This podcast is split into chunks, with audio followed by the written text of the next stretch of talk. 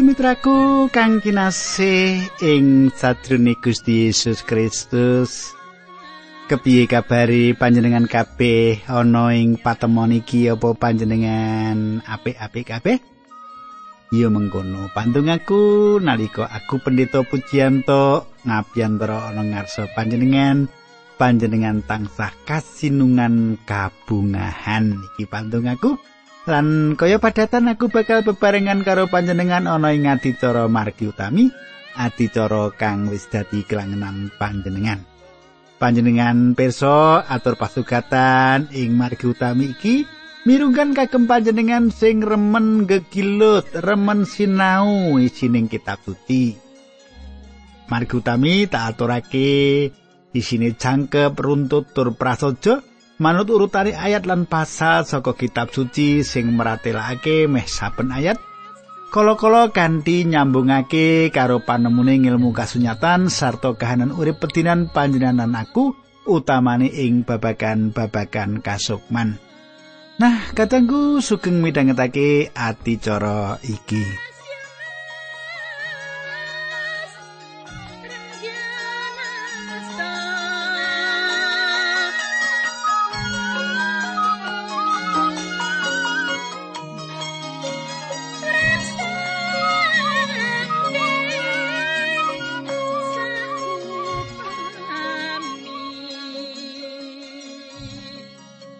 Katanggu kang dak tresnani, tak suwun panjenengan isih kelingan apa sing dak aturake ana ing patemon kita kepungkur awit aku lentrehake kanthi alon-alon lan pengangkah supaya panjenengan bisa ngerti lan gamblang apa sing tak aturake marang panjenengan.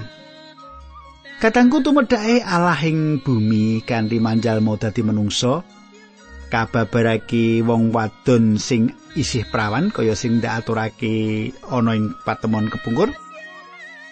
Prawan Maryam sing babarake Yesus Kristus Sang Mesias iku sing wis tak aturake marang panjenengan. Saiki tak terusake ing babakan liyane nanging sadurunge kuwi perlu kita ndedonga dhisik. Tumrap panjenengan ingkang saiki nembe lampani karuwetan maneka warna karuwetan kaya-kaya ora ana dalan kanggo uwal saka karwetan ayo bebarengan tumungkul tak derekake ing pandungu duh Gusti Allah ingkang dados sesembahan kawula rinten kalian dalu. Wonten asmanipun Gusti kawula Yesus Kristus. Kawula ngaturaken gunging panuwun menawi wedal menika kawula saged tetunggilan kalian sedherek-sedherek kawula. Mliginipun tumrap sederek kawula ingkang samenika nembe ngadepi karuwetanipun gesang duh pangeran. Kawula nyuwun kanthi panguwaos patuko patuko udari karuwetanipun patuko paringi ngaso wonten ing gesangipun kanthi makaten saged ngraosaken leganing manah. Kawula nyuwun pangandikan patuko ingkang kawula waos ayat mbok ayat menika saged dados panglipuran lan kegiatan tumrapipun sanak kadang kawula. Dinambaran asmanipun Gusti Yesus Kristus kawula ndedonga. Haleluya. Amin.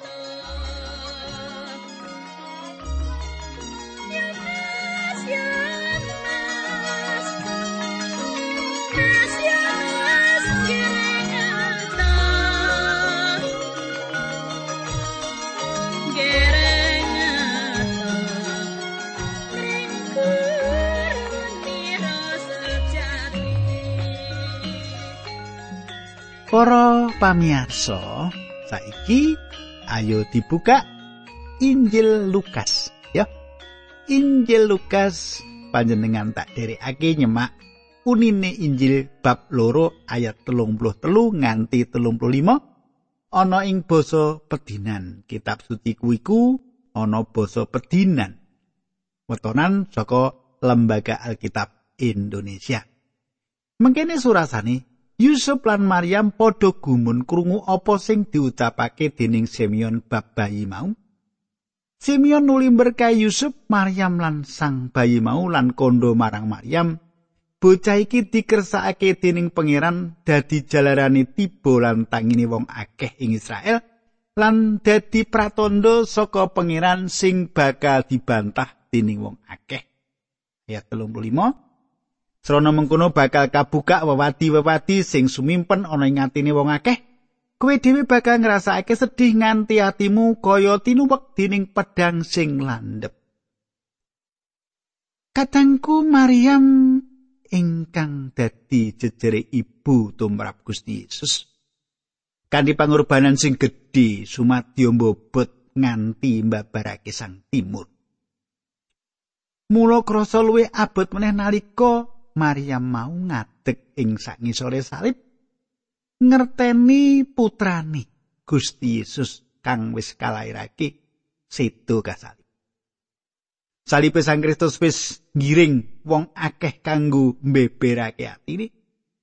Ana pelukis sing wis yasa lukisan sedane Sang Kristus ing pamentangan. Ana sing nyipta lagu ing lelakon iku. Ana sing wis nulis buku nritakake kaya ngopo sedhi kahanan. Para pendeta penginjil padha khotbah kanthi tembung sing emosional ngenani Yesus sing sedane pinentang kanggo manungsa dosa. nalika kita ngadepi warta kahanan sedane Gusti sesaka media apa wae kita ora perlu trenyuh. Kita ora perlu trenyuh ing ati kita. Jalaran apa? Jalaran Gusti Yesus itu ora kanggo narik simpatine sapa wae supaya akeh wong mesake ora uga ora ndadekke simpati saka panjenenganan aku ora Banjur apa sing dikersake? Sing dikersake saka panjenengan lan aku yaiku pracaya marang panjenengani. Pracaya menawa panjenengan iku dadi jejering juru wilujeng kita. Ora supaya awake dhewe mesake. Ora supaya para pejabat mesake. Ning tujuane panjenengane sedo ing kayu salib supaya aku lan panjenengan pracaya menawa panjenengani bener-bener minangka dadi jejere juru wilujeng. Ing perangan pungkasan Injil Lukas nulis yen para wong wadon sing deleng sing nyawang Gusti Yesus mlaku tumuju menyang salib padha nangis. Kepriye ngendikane Gusti Yesus marang para wong wadon sing nangisi panjenengane kuwi? Coba panjenengan semak ayat 23 Lukas 23. Gusti Yesus tumuleh lan ngendika marang wong wadon mau, "Kowe wong wadon kutha Yerusalem, aja padha nangisi aku. Tangis ana awakmu dhewe lan anak-anakmu." Katangku nalika Maryam ingkang ibu Yesus ngadeg ing sangisore salib. Atine remuk banget. Mesti wae nggone nangis Maryam ora nyangkut bab kawilujengane. iku jalaran sesambungane antara ni ibu lan putrane secara kamanungsan. Maria wis diparingi karo dangan dening Allah kanggo mbabarake Gusti Yesus ing donya. Nuli ngemong, nuli gedhekake nganti Gusti Yesus nganti diwasa. Ing Injil Yohanes nyerat lelakon nalika Gusti Yesus saka dhuwuring pamentangan dure kayu salib ngendika marang Maryam. Coba panjenengan semak. Yohanes 19 ayat 6 Panjenengane mirsa ibune lan sekabat sing ditresnani padha ngatek ana ing kono Gusti Yesus tuni matur marang ibune. Ibu menika ingkang putra. Maryam ingkang ibu Yesus ajur atine. Ajur atine nguningani putrane digantung ing salib. lan lakon iku cocok karo wetane Simeon pedang nembus ing jiwane. Saiki Lukas bab loro ayat 36 nganti 38 mengkini surasane. Ing kono uga ana nabi wadon sing wis tuwa banget jenenge Nabi mau Hana anake Fanuel saka Talar Aser sawise kawin pitung taun lawase Hana mau dadi rondo umure saiki wis 84 taun Hana prasasat ora tau mingset saka pedalemane Allah. Ana ing kono Hana mau rino wengi ngabekti marang Gusti Allah kelawan ndedonga lan poso. Nalika Hana mau ya teka ing pedalemane Allah banjur memuji marang Gusti Allah sarta nyritakake bab sang bayi mau marang wong kabeh sing uga padha nganti-anti besok kapan Gusti Allah nggone arep ngluwari kutha Yerusalem. Katengku kang dak tresnani Hana kaya dene Simeon. Uripe tansah ceceketan, cecaketan karo pangeran Allah. Allah maringi sih rahmat marang Hana bisa nyawang lan kenal marang putrane Allah ya kuwi Sang Mesih nuli Hana ngaturake panuwun kunjuk marang Allah. Ayat telung songo lan patang puluh. Sawise ngrampungake sakaing kewajiban manut dawi Gusti Allah Yusuf lan Maryam nuli mulih menyang kutha Nazaret ing tanah Galilea. Sang bayi saya mundhak gedhe lan rasa dadi putra sing wicaksana sarta diberkahi dening Gusti Allah. Kadangku, Dokter Lukas ora mung ndeleng kahanan keluargane Yusuf saka mripate dokter ahli kandungan wae, nanging uga paningale dokter anak. Sepisan maneh dokter Lukas ora mung ndeleng kahanan keluargane Yusuf saka mripate dokter ahli kandungan wae nanging dokter Lukas uga nyetiteki paningali minangka dadi jejere dokter anak Gusti Yesus sangsaya mundhak gedene mundhak pangerten lan tumindak secara kasukman mula senajan isih timur wis kagungan kawicaksana Siramate Allah nganti Gusti Yesus wit saka bayi dadi bocah cilik lan nganti-nganti dewasa. Katerangan jangkep iki mung katulis ing Injil Lukas. Dokter Lukas nulis bab iki jalaran dhewek nih dokter sing ngerti uga bab kahanane bocah cilik. Nanging uga kahanane Gusti Yesus nalika dewasa. Mula Lukas uga nulis cerita kahanan Gusti Yesus nalika yuswa rolas taun mulang ing pedalemane Allah. Ing Injil-injil liyane ora nyetakake nalika Gusti Yesus miwiti gesangi nalika isih dadi bocah cilik isih timur. Kahanan mau ing yuswane Gusti Yesus disebutake taun-taun ening. Injil Lukas iki titi banget nganti bisa jelasake nalika Gusti Yesus yuswa rolas taun. Saiki tak wacake Lukas loro ayat patang puluh siji nganti patang puluh limo. Ya, mungkin surasane. Romo lan ibune Gusti Yesus saben taun padha menyang kutha Yerusalem perlu netepi pernatane riyaya Paskah. Bareng Gusti Yesus wis warulas taun panjenengane uga diajak sarampunge keramian Paskah Yusuf lan Maryam nuli mulih nanging Gusti Yesus isih kantun ana ing kutha Yerusalem. Wong tuane padha ora ngerti. Jalaran Gusti Yesus dikira wis kondur dhisik bareng karo wong-wong. Sawise mlaku sedina mumput wong tuane nuli goleki Gusti Yesus ana ing antaraning sanak kadang lan para tepungane.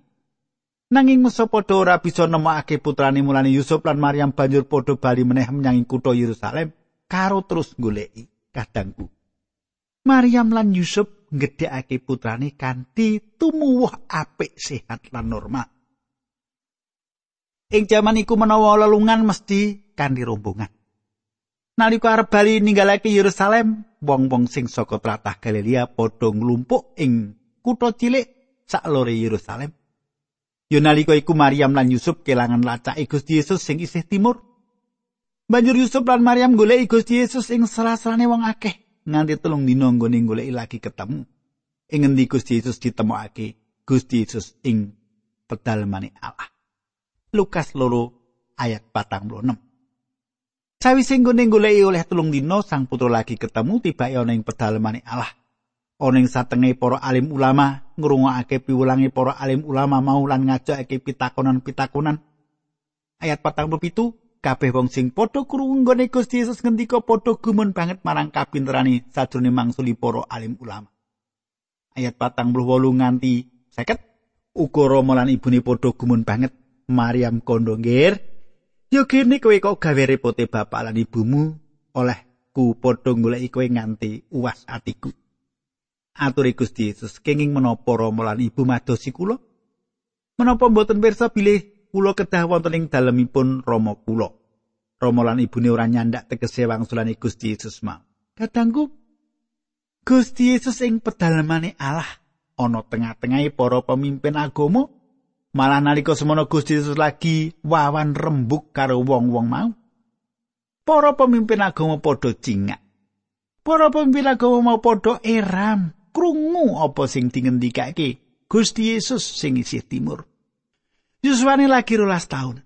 Maryam lan Yusuf orang grahito babar pisan. Yen sang timur Yesus lagi nindakake kewajibane ana ing dalem sang Romo. Mesti wae Maryam gagas sakjroning atine ndeleng kahanan sing diadepi iki. Coba panjenengan semak Lukas loro ayat seket siji nganti seket loro. Sawise kuwi Gusti Yesus nderek Rama lan ibune kundur menyang kutha Nasaret, panjenengane tansah bangun turut marang panggulawan rae Rama lan ibune. Dene Maryam ibune nyatet perkara kuwi mau kabeh ana ing atine. Gusti Yesus saya mundhak gedhe lan mundhak wicaksana semono uga saya kinasian ing Allah lan manungsa. Katangku sang timur Yesus mituhu marang bapa lan biyunge secara kamanungsa. Kahanan iki pancen beda karo para muda ing jaman saiki. Akeh sing tumindak nglawan marang wong tuane, mbali lombruntak lan meksa supaya kekarepane dituruti.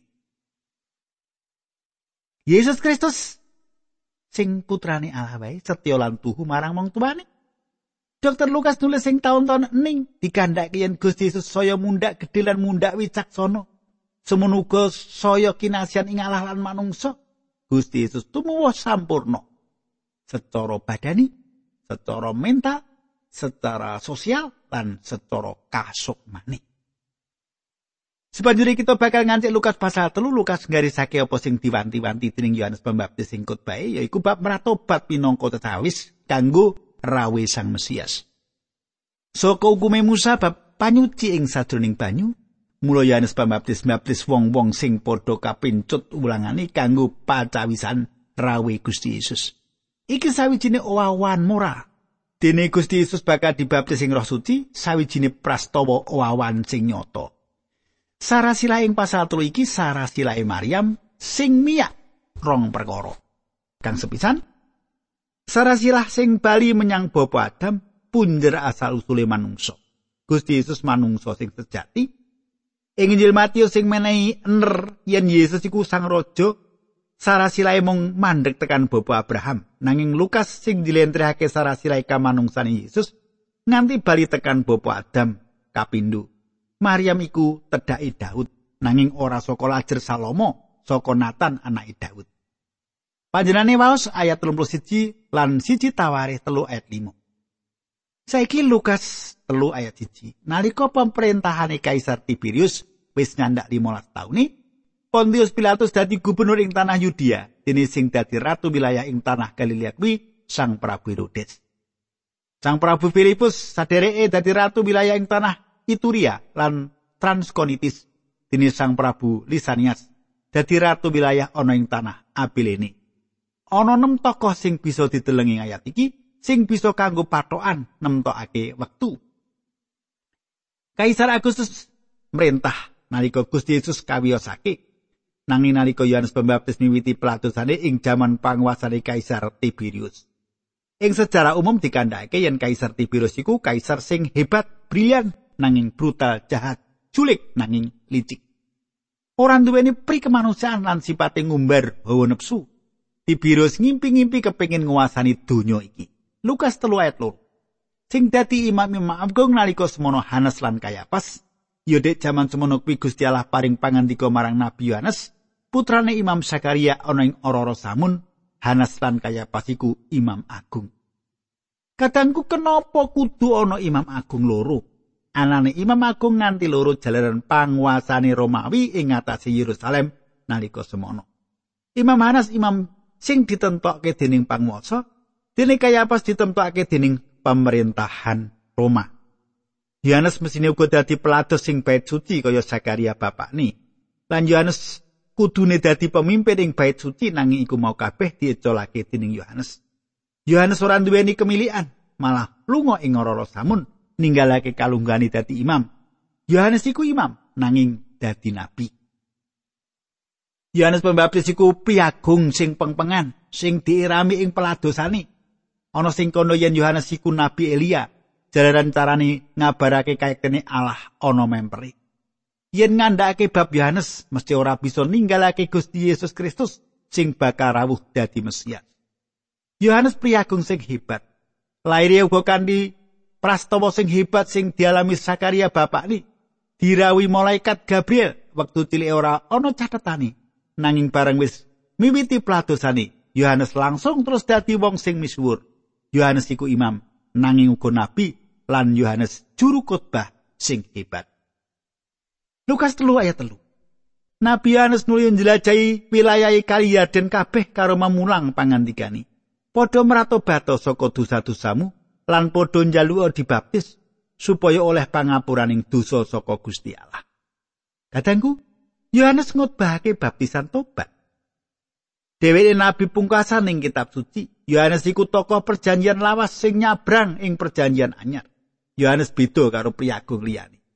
Rambutnya dawa, bisa uga jalaran ora dicukur.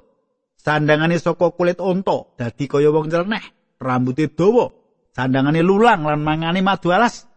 Kabeh para pandhereke padha ngakoni yen Yohanes iku nabi, sedani jalaran kepatrapan hukum pati. Suara kenabiane sing terus terang ora bisa ditampa dening wong Israel umume, malah nganti jaman iki akeh wong sing ora seneng khotbah-khotbah Yohanes. Keras lan yo pancen kaya ngono kahanane urip manungsa. Yen ana khotbah sing lawan iline arus mesti ora bakal disenengi, ya ta? Yen panjenengan bisa khotbah sing padha karo irama kidunge wong akeh, panjenengan mesti bakal dadi juru khotbah sing misuwur. Muga-muga wae juru khotbah sing kaya ngono mau keparingan welas asih dening Allah supaya bali marang dalan sing samestine. Pelayanan kita ora kanggo manungsa, pelayanan kita kanggo kaluran Gusti Allah. Mula nek panjenengan melayani aja seneng menawa disubyo-subyo dening wong awit pikiran jenengan padha nanging seneng disubyo Allah sinadano manungsa ora nyubyo-nyubyo panjenengan. Saiki Lukas 3 ayat 4 lan 5 6 pitu. Iki cocok karo sing katulis sing kitab Nabi Yesaya mengkene ana wong uwah-uwah ing ora samun. Padha nyawisno dalane pangeran ceno dalan sing arep diambah. Jurang-jurang kudu diluruki lan gunung-gunung sarta puntuk dirata. Dalan sing menggak-menggak kudu dilencengake sing mendak mendukul kudu dirata. Manungsa kabeh bakal padha weruh nggone Gusti Allah nyelametake omate. Akeh wong sing padha teka marang Nabi Yohanes nyuwun dibaptis. Nabi Yohanes nuli ngendika marang wong-wong mau, "Kowe tetesane ula wong goroh. Sopo sing akon kowe nyingkiri paukumane Gusti Allah sing bakal kok alami?" Sumitraku yen ana juru khotbah pendhita pamane sing ngutbahke kowe tetese ula wong goroh.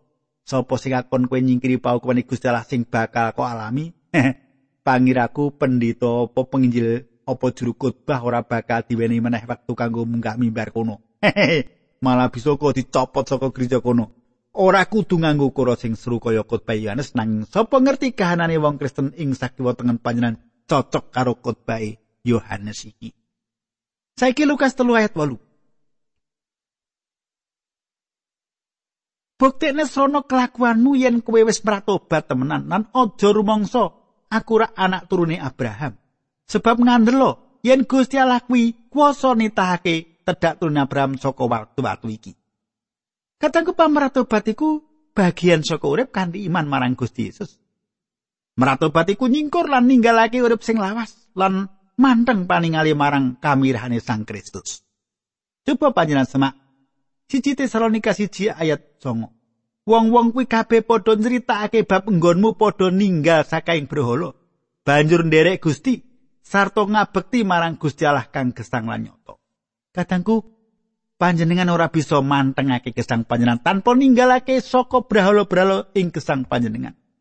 Nampari Gusti Yesus minangka juru wilujeng ateges ninggalake cara urip kadonyan, urip kedagingan, urip sing kebak hawa nafsu. Mula ayo kita gatheke apa sing dadi punjere khotbah Yohanes Pembaptis, mrato batok. Ing para rasul 16 ayat 31 Paulus lan Silas kondo karo sipir pakunjaran. Pitadosa dhateng Gusti Yesus. Panjenengan mesti badhe wilujeng inggih panjenengan inggih berayat panjenengan. Monggo panjenengan kaberkaning adicara iki. Kita ndedonga Duh Kanjeng Rama ing swarga kawula ngaturaken kuing panuwun menawi kawula saged sinau kayektosan saking pangandikan paduka paduka berkahi supados menapa ingkang abdi paduka andharaken menika dados kegiatan panglipuran lan kandeling iman sanak kadang kawula Dinambaran asmanipun Gusti Yesus Kristus kaulan tunggu. Haleluya. Amin.